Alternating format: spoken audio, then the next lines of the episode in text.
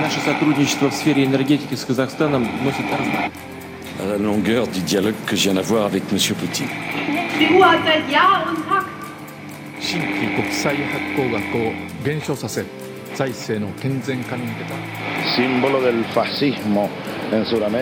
मगर मुझे पाकिस्तान जाना है की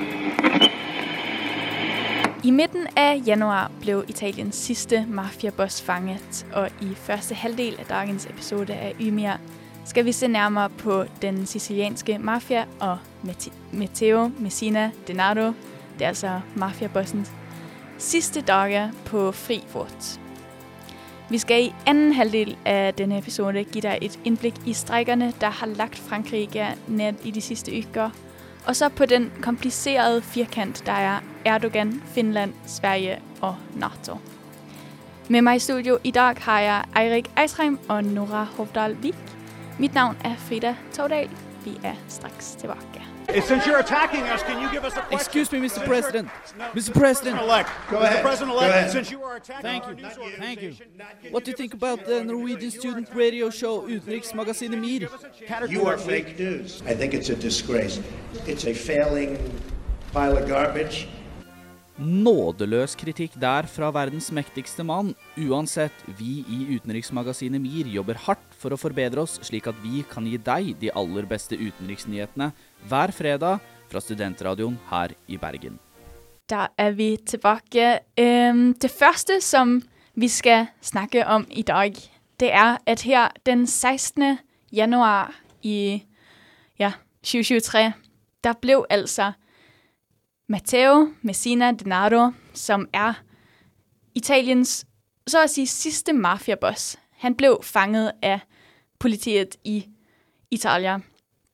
Og det er det, vi skal fokusere på her først. Men øh, hvis vi trækker tiden helt tilbage, øh, Eirik, hvordan er mafiaen egentlig begyndt i, i Italia? Og kan du bare forklare, hvad, hvad er en mafia? Eh, ja, det er en mafia, eller mafiaen eh, på Sicilia, som er hvor han er eh, eh, Matteo har eh, vært leder, da. Eh, Den oppsto tidlig på 1800-tallet en gang, eh, som en slags beskyttelsesbusiness, da. Mafiaen er folkene du hyrte inn for å beskytte deg og dine interesser, og det er typisk at sånne ordninger oppstår når man ikke kan stole på at eh, staten eller noen andre kan beskytte din, eh, din business, så da kunne du bruke privat istedenfor. Problemet er jo det at de er ikke så veldig interessert i å følge loven når de holder på å beskytte. Deres oppgave er kun å beskytte businessen til klienten deres og eh, seg sjøl, og ikke andre folk. Så det fører jo til at mafiaen har vært veldig voldelig i, sin, eh, i sine forsøk på å beskytte sine klienter, da. Så hvis man levde på Sicilia i der slutten av 1800-tallet og var business øh, ja, da måtte man ha kontakt med mafiaen. Ja. Det var vel nesten en, vel som en slags allianse mellom alle godseierne, egentlig, i området for å verne om sitt, da. Ja, for til å begynne med så var det veldig, veldig eh, ute på landet, på en måte. Sant? At det handler om gårdsbruk, f.eks. Landeiere som eide gårder, som snudde seg til mafiaen. Etter hvert så utvikla det seg, etter hvert som business begynte å øke i byene, forretningene begynte å øke i byene, så flytta det seg innover mot byene. Og det var en utvikling som spesielt skjedde i liksom den, den moderne perioden av mafiaen, den etter krigen og begynnelsen av 1900-tallet etter krigen. da. Det er også forbundet med eh, en byggeboom på 50-tallet, da, etter krigen, hvor eh, eh, det ble starta veldig masse boligprosjekter, egentlig, ja, i hele Italia, hvor mafiaen fikk et skikkelig grep om eh, byggeindustrien. Og det kan jo egentlig eh, kanskje spores tilbake til starten på mafiaens virkelig sånn storhetstid, da, hvor de herja ganske Ja. Ja, for, for jeg satt og så på dette her, og det, det er jo at um, eh, Mussolini, når han tok makta, prøvde jo å utrydde mafiaen på 20-tallet. Um, og han fikk jo nesten til å gjøre det, men så mista han jo selvfølgelig makta etter krigen. Og som et resultat av krigen, nettopp fordi krigen førte jo til at en god del hus ble ødelagt. Så da var det ganske, ganske lett å starte forretninger i å bygge nye hus. Og da, det, hjalp mafiaen å komme tilbake igjen, på en måte. Ja, det var faktisk også eh, connections mellom mafiaen i Italia og, og også utvandrere fra Italia til USA som hadde eh, altså som var litt av grunnen til at eh, mafiaen fikk et sånt grep om det, da, når USA kom inn i Italia under krigen. For, ja. Ja, jeg tror nesten alle kan liksom gjenkjenne sånn en italiensk mafia i, uh, i hvert fall pop populærkultur uh, med Ja, godt bare, bare se for deg hvilken som helst Scorsese-film, så har vi forklaringen av hva vi snakker om her. Ja, men altså, mafiaen begynte som en, en privat beskyttelsesbusiness. business. Hvordan er de blitt innblandet i alt det, som man liksom forbinder mafia med i dag? Altså våpensalg og, og ja, salg av forskjellige stoffer, og narkotika. Hvordan henger det liksom sammen med det som det egentlig begynte som? Eh, Det er jo korrupsjon, da. Altså Uh, Helt tilbake til begynnelsen, når det var en forsvarsallianse, så kom jo det av Eller forsvarsallianse, det var litt sterkt ord, kanskje, men, men det kom jo av at man mangla en sterk stat, ikke sant. Uh, så da er det jo gjennom det at uh, mafiaen har fått grep om eh, ting som burde vært statlig regulert, da, fordi de rett og slett har hatt en sterkere makt enn staten i perioder. Og så, så er det en inntektskilde. Sånn, du allerede jobber ut forbi loven. Hvorfor i all verden skal du ikke drive med alt som er ulovlig som kan tjene deg penger? Sant? Da er det ikke det er ikke sånn at de syns det er helt greit å drepe noen, men narkotika skal vi ikke drive på med. Det er upassende for oss. Så ja, det er nok en måte å finansiere seg sjøl på. Ja, ja. Og så skal vi ha ham her, eh, Matteo Messina Denaro, øh, inn i bildet, fordi at han blev jo næsten født ind i det her. Øh, og, og hvordan er det egentlig, at man kan blive det, når man siger, at ham her, øh, ja, den sidste mafiaboss, altså Denaro, blev født ind i mafiaen. Hvad siger det ligesom om, hvordan mafiaen egentlig er, er strukturert? Det er jo noen store familier som har eh, Ja, som sitter med makta her, da. Som Mm. kan eh, spores tilbake til, til opprinnelsen av mafiaen. Ja, så er det jo Sicilia eh, er jo Der er jo mafiaen en liksom gjennomgående del av samfunnet. Både på den ulovlige siden, men òg på lovlig vis. Det er liksom politikere som er tilknyttet mafiaen. Det er politifolk som er tilknyttet mafiaen. Det er folk på alle deler av liksom samfunnet og i det statlige apparatet som er knyttet til mafiaen. Og det er jo apropos korrupsjon, ikke sant. Det vi var inne på i stad, med hvordan de har fått grep om alle de her ulike ja, delene Mm. av samfunnet. Ja, så det, det bildet man liksom skal ha når man begynner å tenke på ham her, Matteo øh, Messina Denaro, for lige at sige det flotte navn en gang til, øh, det er, at han bliver altså født ind i, øh, på Sicilia, øh, ind i et samfund, der simpelthen er gennemsyret af mafia, i en familie, som øh, hvis primære indtægtskilde, eller hvis 100% indtægtskilde, altså en vældig rig familie, øh, som altså bruger alle midler øh, uden for statslige øh, øh, anlægner, øh, og altså også vold. Det er det bilde, øh, Matteo altså kommer ind i, og han bliver født øh, på 60-tallet, og så tager det ellers af derfra. Det skal vi snakke lidt mere om, øh, efter at vi har hørt på dette stykke musik. Se me sanciona porque convoco a elecciones generales para que el pueblo vote libremente y elija una institución como la Asamblea Nacional Constituyente. Forstår du ikke hva Venezuelas president Nicolas Maduro sier her? Frykt ikke, for utenriksmagasinet MIR rapporterer på hele Latin-Amerika og resten av verden, slik at du kan få med deg de viktigste utenriksnyhetene.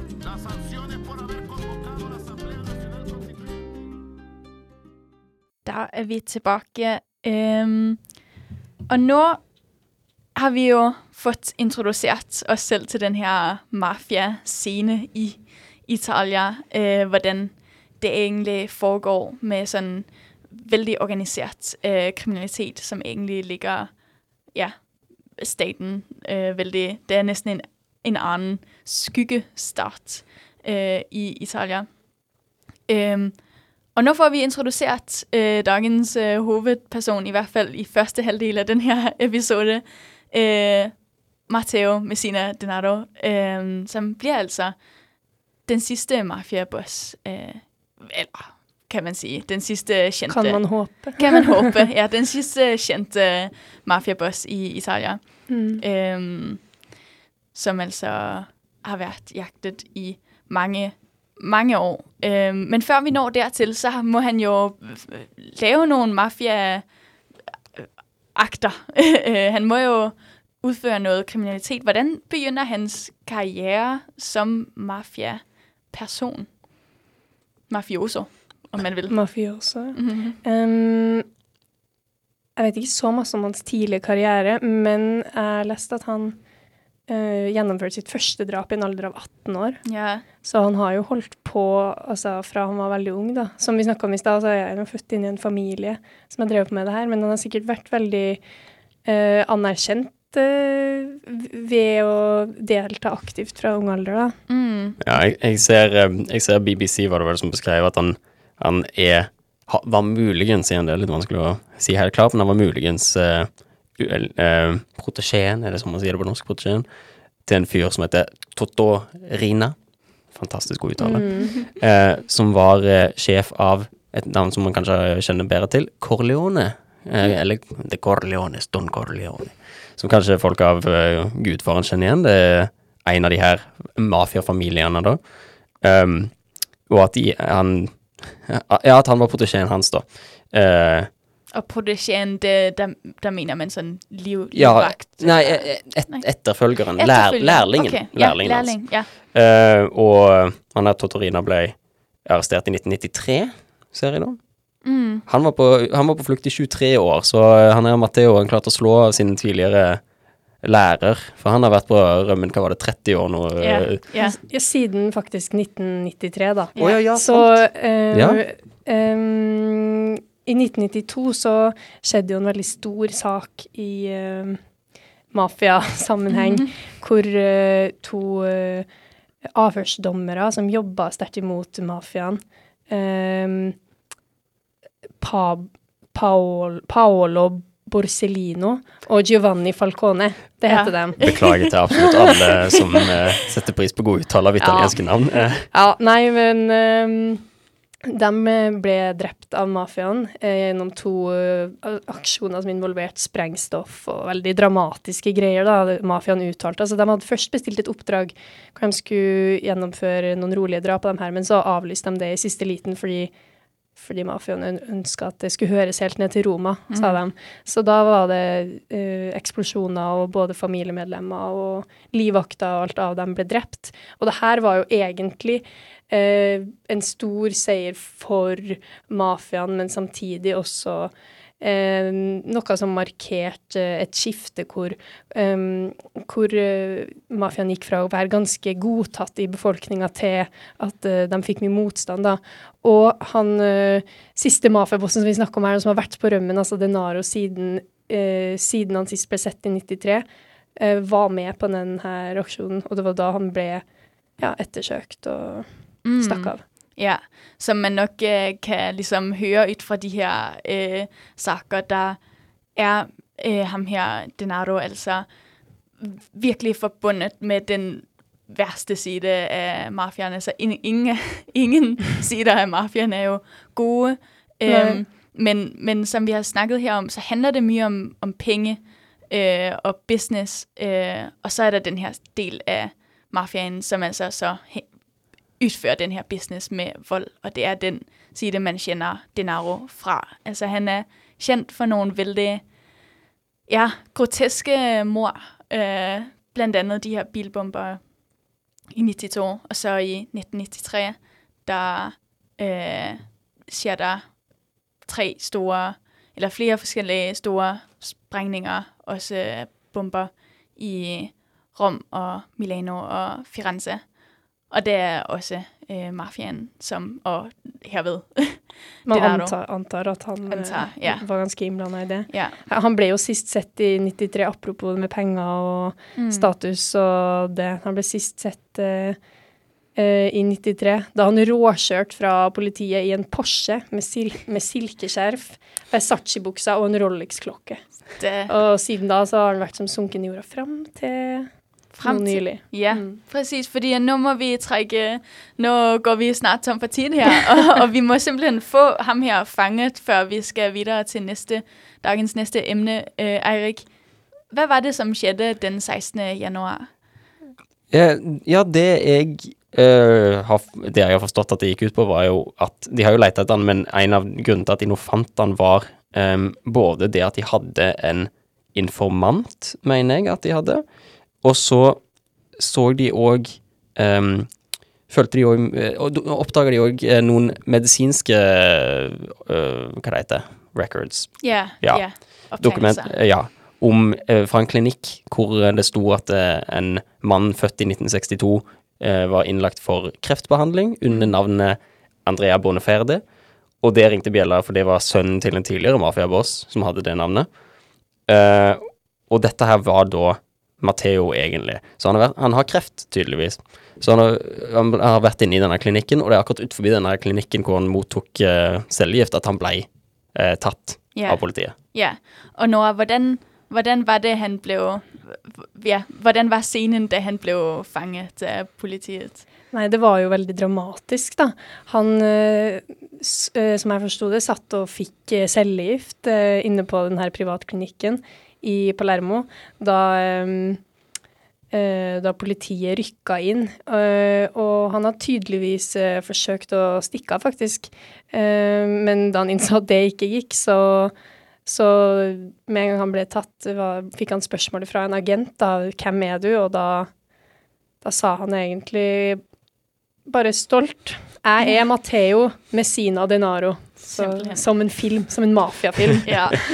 Du veit hvem jeg er, sa han vel. Jeg er Matteo. ja. Og det ja.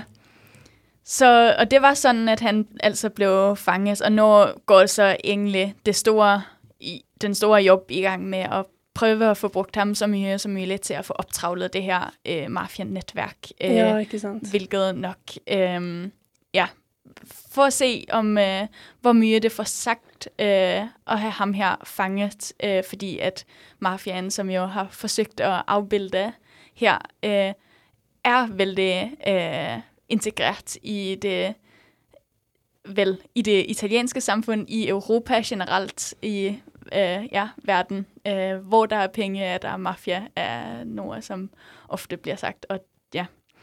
Så vi får se, hvad det har at sige, at han er fanget. Nu er han i hvert fald det.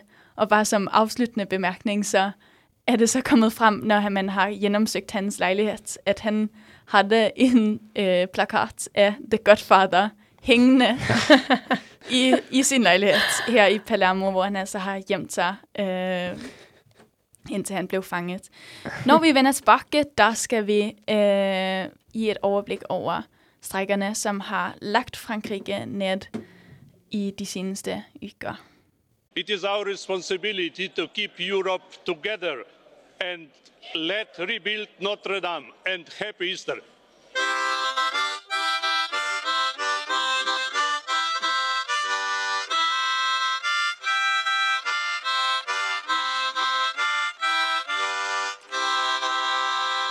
Da er vi tilbake, og øh, efter den her deep, deep dive, eller måske ikke helt så deep dive, som vi har lyst på, øh, ned i Italiens mafia, der skal vi gå videre til øh, Frankrike, hvor øh, der i de seneste par uger har været flere store strækker øh, over en pensionsreform, som Macron har lyst at gennemføre. Men øh, Nora, Frankrike er jo ganske vant med strækker øh, nå. Hvad, øh, hvilken baggrund kan vi se de her strækker, som foregår nå i?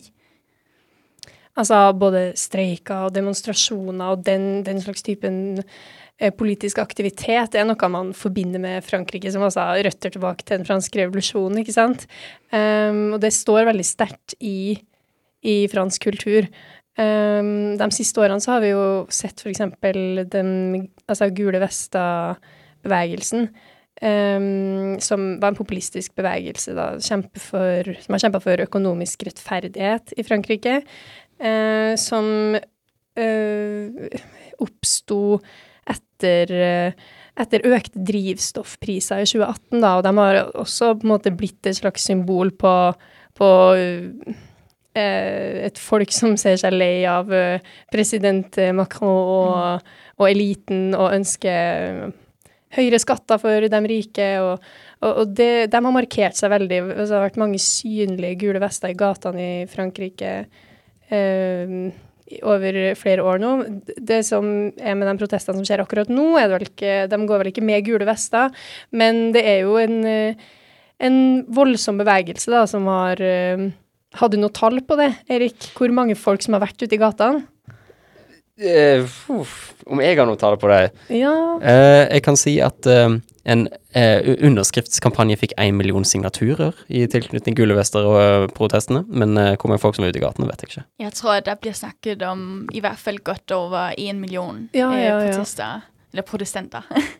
ja, som har faktisk vært ute i gatene. Mm. og så var det vel også noen arbeiderorganisasjoner Eh, Oi, oh, ja, unnskyld, snakker, snakker du om denne, denne gangen, eller ja, ja, denne oh, ja. gangen, ja. Oi, unnskyld, jeg, jeg, jeg misforsto helt. Ja, de har jeg tall på. Det, det, var, det var to protester den siste, i løpet av en måneds tid. Den første var det omtrent 1,1 millioner som var ute og protesterte, og denne siste som nå var i, eh, i forgårs, blir det. Um, da var det 1, nesten 1,3 millioner folk ute i gatene. Mm. Så en god del folk uh, Jeg gjorde en kvikk liten sjekk. Det er 1,3 tre millioner. Det er ca. 5% av Frankrikes arbeidere, eller ja. folk som er i jobb da. Så det er en uh, stor del som er ute, ute i gatene. da. Det, er, det har ramma det, altså det, franske samfunnslivet ganske kraftig, fordi det er mange som er ute og demonstrerer, men ikke minst mange som streiker, da, som bare ikke møter opp på jobb. Og det har vært tomme klasserom, og det har, vært, det har stått stille i kollektivtrafikken, og mm. ja. ja. Men det, det som jeg syns er interessant, er at dette er jo en sånn typisk um, dette er en sånn typisk sak hvor eh, politikere gjennomfører endringer som de vet folk kommer til å hate. For det, det, som, eh, det som er liksom endringen, er jo blant annet de øker pensjonsalderen fra 62 til 64 år. Eh, øking, øking av pensjonsalderen er alltid noe som gjør alle fagforeninger kjempesure. Det, det er sant uansett hva du snakker om. Men grunnen til at de da gjør noe som de vet kommer til å være så upopulært, er jo fordi de tenker dette her er nødvendig fra et økonomisk perspektiv. Vi har ikke råd til å betale for at folk skal pensjonere seg når de er 62 i mm. framtida. Eh, så det er en sånn det er en sånn eh, det er en vond avveining som politikere må ta av og til. Eh, samme diskusjonene går jo på i Norge òg, om vi skal endre pensjonsalderen. Vi har den jo på vi har den jo høyere på 67, men spørsmålet er om vi òg blir nødt til å heve den for å kunne eh, faktisk fortsetter å ha et velferdssystem hvor alle er dekka på, så, på så god måte som mulig. da. Yeah. Så dette er jo ikke en unik problematikk i bare Frankrike. Ja, det er, en, det er, ganske, det er et ganske vilt perspektiv egentlig å se det igjennom fra, fra oss, fordi at det egentlig allerede er så lav en uh, pensjonsalder. Ja, ikke sant. I Norge så tenker man jo at en person på to eller 64 en eh, ja, en, Altså absolutt i en alder hvor man kan arbeide fortsatt. Yeah. Ja, men det, det, sånt er jo òg som varierer fra yrke til yrke òg. Det er jo alltid en sånn ting man hører fra Det er jo kulturelt også. Det er sant òg. Uh, eh, men uh, en annen ting som jeg så på, var bare litt ut av min egen interesse for Norge, for å igjen gjøre det et perspektiv, er at for øyeblikket, så i Norge har vi tre folk i arbeid for hver pensjonist, eh, mm. omtrent. Det kommer jo til å fortsette å bli færre av. For poenget er jo at pensjonistordningene fungerer jo sånn at folkene som jobber nå, betaler for framtida, eller for nåværende pensjonister, ikke for seg sjøl. Mm. Som betyr at det er neste generasjon må betale for oss. sant? Og hvis det er færre arbeidere i den neste generasjonen, så er det mindre penger som betaler for vår pensjon. Eh, Yeah. Så det, det, er den, det, er jo den, skumle eldrebølga vi hører om hele tida når, eh, når, det blir snakk om pensjonsordninger. Ja, og det er altså det som uh, Macron nå forsøker å uh, forberede seg på. Han forsøkte òg i 2019 og ble altså ramt av store protester, og Frankrike lå ned i flere uker uh, hvor folk var streiket. Um, noe som også må bemerkes bare her i lyset av den tid som vi lever i nå, som er ganske annerledes enn 2019, er at øh, der er altså rapporter om at mange flere ønsker å streike enn de som egentlig gjør det. Øh, men fordi at den her øh, cost of living crisis, som altså hele Europa gjennomgår, så er det ikke like mange som har råd til å streike. Og det sier altså noe om hvor massive de her protester er i Frankrike, når, når vi hører du sier at 5% av arbeidsstyrken strekker nå. Det er, det er mye. Når vi vender tilbake, der skal vi snakke om hvordan øh, Tyrkia altså fremdeles øh, setter en kæpp i hjulet for Sverige og Finlands inntreden i NATO. Vor elf Monaten habe ich genau hier in diesem Raum gesagt, Deutschland ist ein starkes Land. Das Motiv, mit dem wir an diese Dinge, ich habe das eine nationale Aufgabe genannt, an diese Dinge herangehen, muss sein, wir haben so vieles geschafft, wir schaffen das. Angela Merkel sin regjeringstid som forbundskansler i Tyskland er nå forbi. Men Vi schaffen das står som et av hennes største politiske øyeblikk. Som Merkel har vi i utenriksmagasinet MIR også holdningen om at vi kan klare å gi dere de beste utenriksnyhetene. Da er vi tilbake, og eh, nå skal vi se nærmere på en sak som har gått på mye lenger enn man skulle ha trodd. Eh, Sverige og Finland sendte en felles søknad til eh, NATO i mai 2022. Øhm, og siden da har man snakket om hvordan Tyrkia, altså øh, her sier vi Erdogan, har forsøkt å ja, sette en kjepp i hjulet for det. Og øh, i de seneste dager har det vært oppe og vende i nyhetene igjen fordi at det er skjedd noen utviklinger. Og Nora, hva er det som er skjedd som gjør at vi igjen snakker om at uh, Erdogan altså ikke vil ha uh, Finland, og særlig Sverige, inn i Nato? Ja, altså det som har skjedd, er jo um, at uh, til tross for at uh, i sommer uh, var møter, og de kom fram til i hvert fall en delvis løsning, så har Erdogan nå uh, kommet med enda flere krav da, til Sverige, som han ikke kommer til å la dem komme inn i Nato hvis de ikke, hvis de ikke oppfyller. Og det her, det her har kommet i etterkant av en uh, koranbrenning foran den tyrkiske ambassaden, og også uh, en dukke som skulle forestille Erdogan, uh, som ble hengt opp opp ned utafor utafor rådhuset i Stockholm, på samme måte som Eh, jeg leste at han ble hengt opp på samme måte som Mussolini faktisk ble hengt opp Altså liket av Mussolini ble hengt opp av sine motstandere etter, etter han ble drept. Ja. Det... groteskt syn da for Erdogan, det her. Ja, det er ganske groteskt.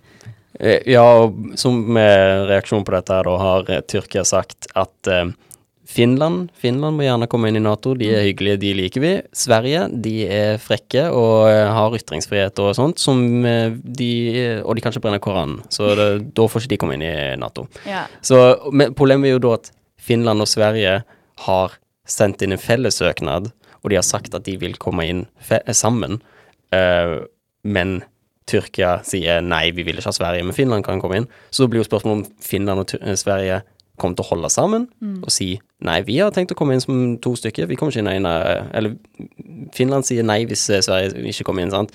Eller om uh, det faktisk blir sånn at Finland bare sier ja vel, men vi, da tar vi inn i Nato. Eller om de, en, de klarer å løse dette, og Sverige og Tyrkia klarer å bli venner igjen. Mm. Eh, det er jo det som vi står overfor nå, da. Det som er helt interessant med den saken her, er jo hvor uh, utrolig lett man tok på det i begynnelsen. Det var ingen som så for seg at Erdogan kom til å uh, stå så hardt på sine krav imot uh, Sverige på den måten her. Men det har veldig masse med å gjøre at Sverige har en stor kurdisk befolkning, og også flere som er eh, som nå bor i Altså har flykta fra Tyrkia til Sverige, da, som står oppført på partilista og sånne ting eh, for det kurdiske arbeiderpartiet, som Tyrkia Og jeg tror også de er internasjonalt anerkjent som en terrororganisasjon, men i hvert fall som Tyrkia ser på som terrorister. Og det var det her som var på en måte bakteppet for at Erdogan i det hele tatt hadde protester mot Sveriges medlemskap. Mm, og hvordan kan det være at Erdogan faktisk har den her makt til å si at uh, Finland og Sverige ikke kan bli med i, i Nato, Eirik. Hvordan kan en gjøre det? Jo, det er rett og slett fordi NATO-avtalen NATO fungerer sånn at alle medlemmene må være enige hvis et nytt medlem skal legges til. Og da kan hvilke som helst av de 30 medlemmene som er nå, si nei. Sette ned veto på at en ny søknad ikke skal komme inn. For øyeblikket så er det, det er Tyrkia som åpenlagt sier nei nå, og Ungarn har ikke helt bestemt seg ennå, virker det som. Men eh, Tyrkia virker nå som det største hinderet, i hvert fall. Mm, ja, og, men hvordan kan det være at sånn Nato er jo øh, egentlig det er meningen som en, en allianse. Hvordan kan det være at man finner seg i at Erdogan utøver så mye makt innenfor en allianse, hvor man egentlig bør stå sammen øh, om saker? Det, det, har jo med den øh, taktiske Altså hvor Tyrkia ligger hen, mm. og på en måte Tyrkia som inngangsbillett til hele den muslimske verden, og også øh, inngang til øh, Midtøsten, og også Russland for så vidt. De har jo noen connections der som er veldig unike, da i motsetning til resten av landene i Nato. Mm. Ja, det har en enormt stor politisk symbolsk verdi at, uh, at Tyrkia er med i Nato. Altså som du sier, inngangsbillett til den muslimske verden. Ja, og så historisk så har jo Tyrkia var jo utrolig Når Nato ble jo først etablert for å stå imot Sovjetunionen, og da var jo Tyrkia utrolig viktig, for da kunne man ha atomvåpen i Tyrkia som kunne ha lett tilgang til Sovjetunionen, så det var veldig stor trussel og strategisk smart å ha Tyrkia. Men så er det òg det med at, med at, alle medlemmene må si ja til at nytt medlem skal komme inn. Det gir jo mening fra et allianseperspektiv, med at du vil jo ikke ha en allianse hvor det er noen medlemmer som ikke vil ha hverandre eller har noe med hverandre å gjøre. Du vil passe på at alle har sagt ja til dette her. Mm. Sånn at Tyrkia ikke plutselig bestemmer seg for Nei, vet du hva, vi likte ikke Sverige så mye, så nå skal ikke vi beskytte de allikevel. Eller eh, begynne å være ufrivillige medlemmer, sant. Mm. Ikke sant? I krisetid som det er nå i Europa, så er det viktig å stå fast ved de prinsippene. Som altså Nato som, uh, som forsvarsallianse er jo på en måte ingenting uten enigheten mellom medlemslandene. Ja, absolutt. Og likevel så blir det et stort rot her øh, når, øh, når Tyrkia så setter seg så fast i, mot de her to landene. Men hva med alliansen mellom Finland og Sverige? Ser den like øh, ja, rotet eller usikker ut? Øh, eller er de, står de fremdeles sammen? Ja, for øyeblikket så ser det ut at begge to bare for, for, Det var som du nevnte tidligere, noen av de hadde jo kommet til en enighet med Tyrkia på hva de måtte gjøre for å kunne bli akseptert. Det ble de enige, med, enige om i, i, Madrid nå i sommer. I, i sommer. Mm. Og Sverige og Finland har jo bare sagt ja, vi fortsetter å gjøre det vi ble enige om i sommer, vi. Eh, vi bryr oss ikke om at, eh, Erdogan nå sier nei til Sverige. Um, så de bare kjører på. Men det kan jo òg bli en sånn forhandlingsposisjon. Sant? At det egentlig, de står på sitt, sånn at de ikke må gi opp for mye mm. eh, i, i framtidige forhandlinger. Da. Altså mellom uh, Finland og Sverige så er det sånn at finske myndigheter de sier fremdeles at de skal stå ved Eh, det de har sagt, og at dette er en felles søknad, og de vil ikke gå inn i Nato uten Sverige. Men en undersøkelse som ble publisert i dag, eh, altså en stor undersøkelse da fra Finland, viser at uh, majoriteten av den finske befolkninga har sett seg lei av å vente på det her styret med Sverige, og har bare lyst til å gå rett inn i Nato. Mm. Og det er jo eh, litt eh, interessant når befolkningen imellom de her to, eller den finske befolkningen, altså efterhånden er ved at være trætte af Sverige, og, og kanskje har lyst å skille seg fra Sverige, når de nå er to veldig ja, nabolande og har den her alliance imot uh, Russland. Ja. ja, og i tillegg så um, er det jo Eller samtidig kan man heller si uh, at det er veldig forståelig at uh, at finnene føler seg trua nå, for de har jo den store grensa til mm. Russland. Samtidig som at de faktisk har sagt at uh, nå har vi lyst til å gå inn i denne forsvarsalliansen yeah. med USA. Eh, så de er jo på en måte i et, et sårbart uh, mellomrom mellom mellom å være beskytta av Nato yeah. og å ha uttalt at de vil inn i Nato, da. Ja, der har Finland liksom ja, gjort seg sårbar, og så nå står de og venter. Mhm. Øhm, men det ser altså ikke ut som om, at der er en løsning lige på vej. Øh, Erdogan holder altså fast i sine krav, og øh, Sverige holder fast i sin øh, ja, motståelse af de her krav. Vi vender straks tilbage med en liten opsummering, og så skal vi til at afrunde dagens sending. Walls work and walls save lives. Mr. President, Uh, yeah, go ahead, please. how many weekly listeners does Utenriksmagasinet Mir have? Billions and billions and billions and billions and billions.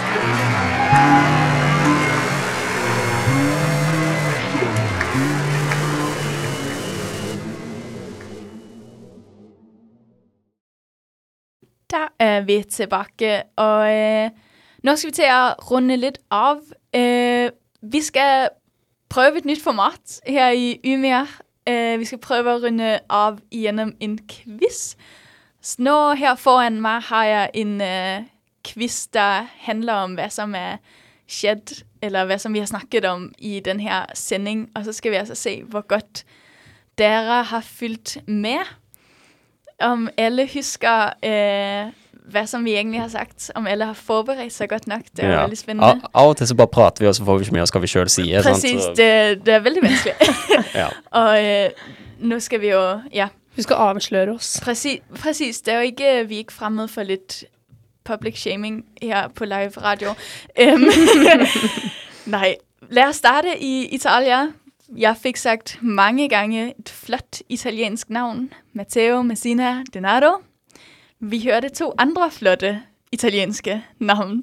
Uh. På de to dommer, som uh, Matteo Messina Denaro altså fikk henrettet i begynnelsen av 90-tallet. Hva het de to dommere? Jeg tror det var ganske gjennomskuebart når vi fikk høre de navnene i stad, at jeg, at jeg leste dem opp fra et dokument. Ja, jeg, jeg, Eh, husker ikke. jeg husker ikke hva du leste opp, Åh, så Fal... Fal... Nei, Folkano Eller nei. Det er, det er så Falcone. nærme. Falco... Var det det? Det var det. Var jeg føler nesten at det, poeng går til Nora.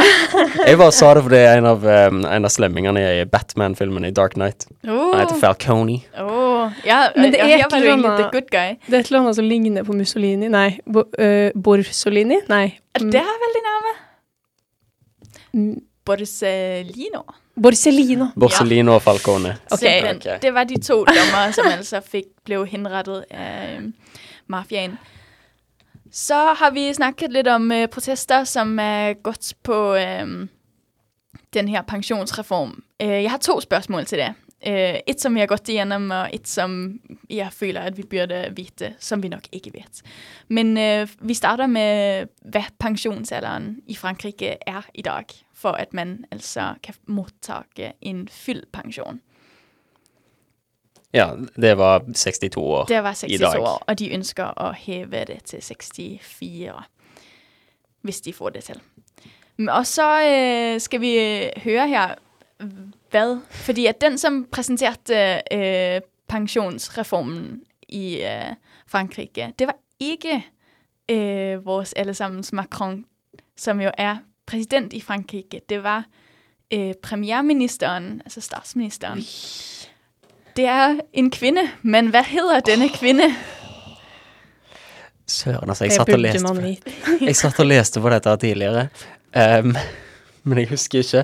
Det, min greie er at når jeg ser navn av og til, så bare du, Jeg gjør den andre tingen når du leser bøker og ikke klarer å uttale navnet. Ja, kan du bare, bare hoppe over de. Du sier bla, bla, bla, og så går du videre. Ja, uh, så jeg har ikke peiling. nej.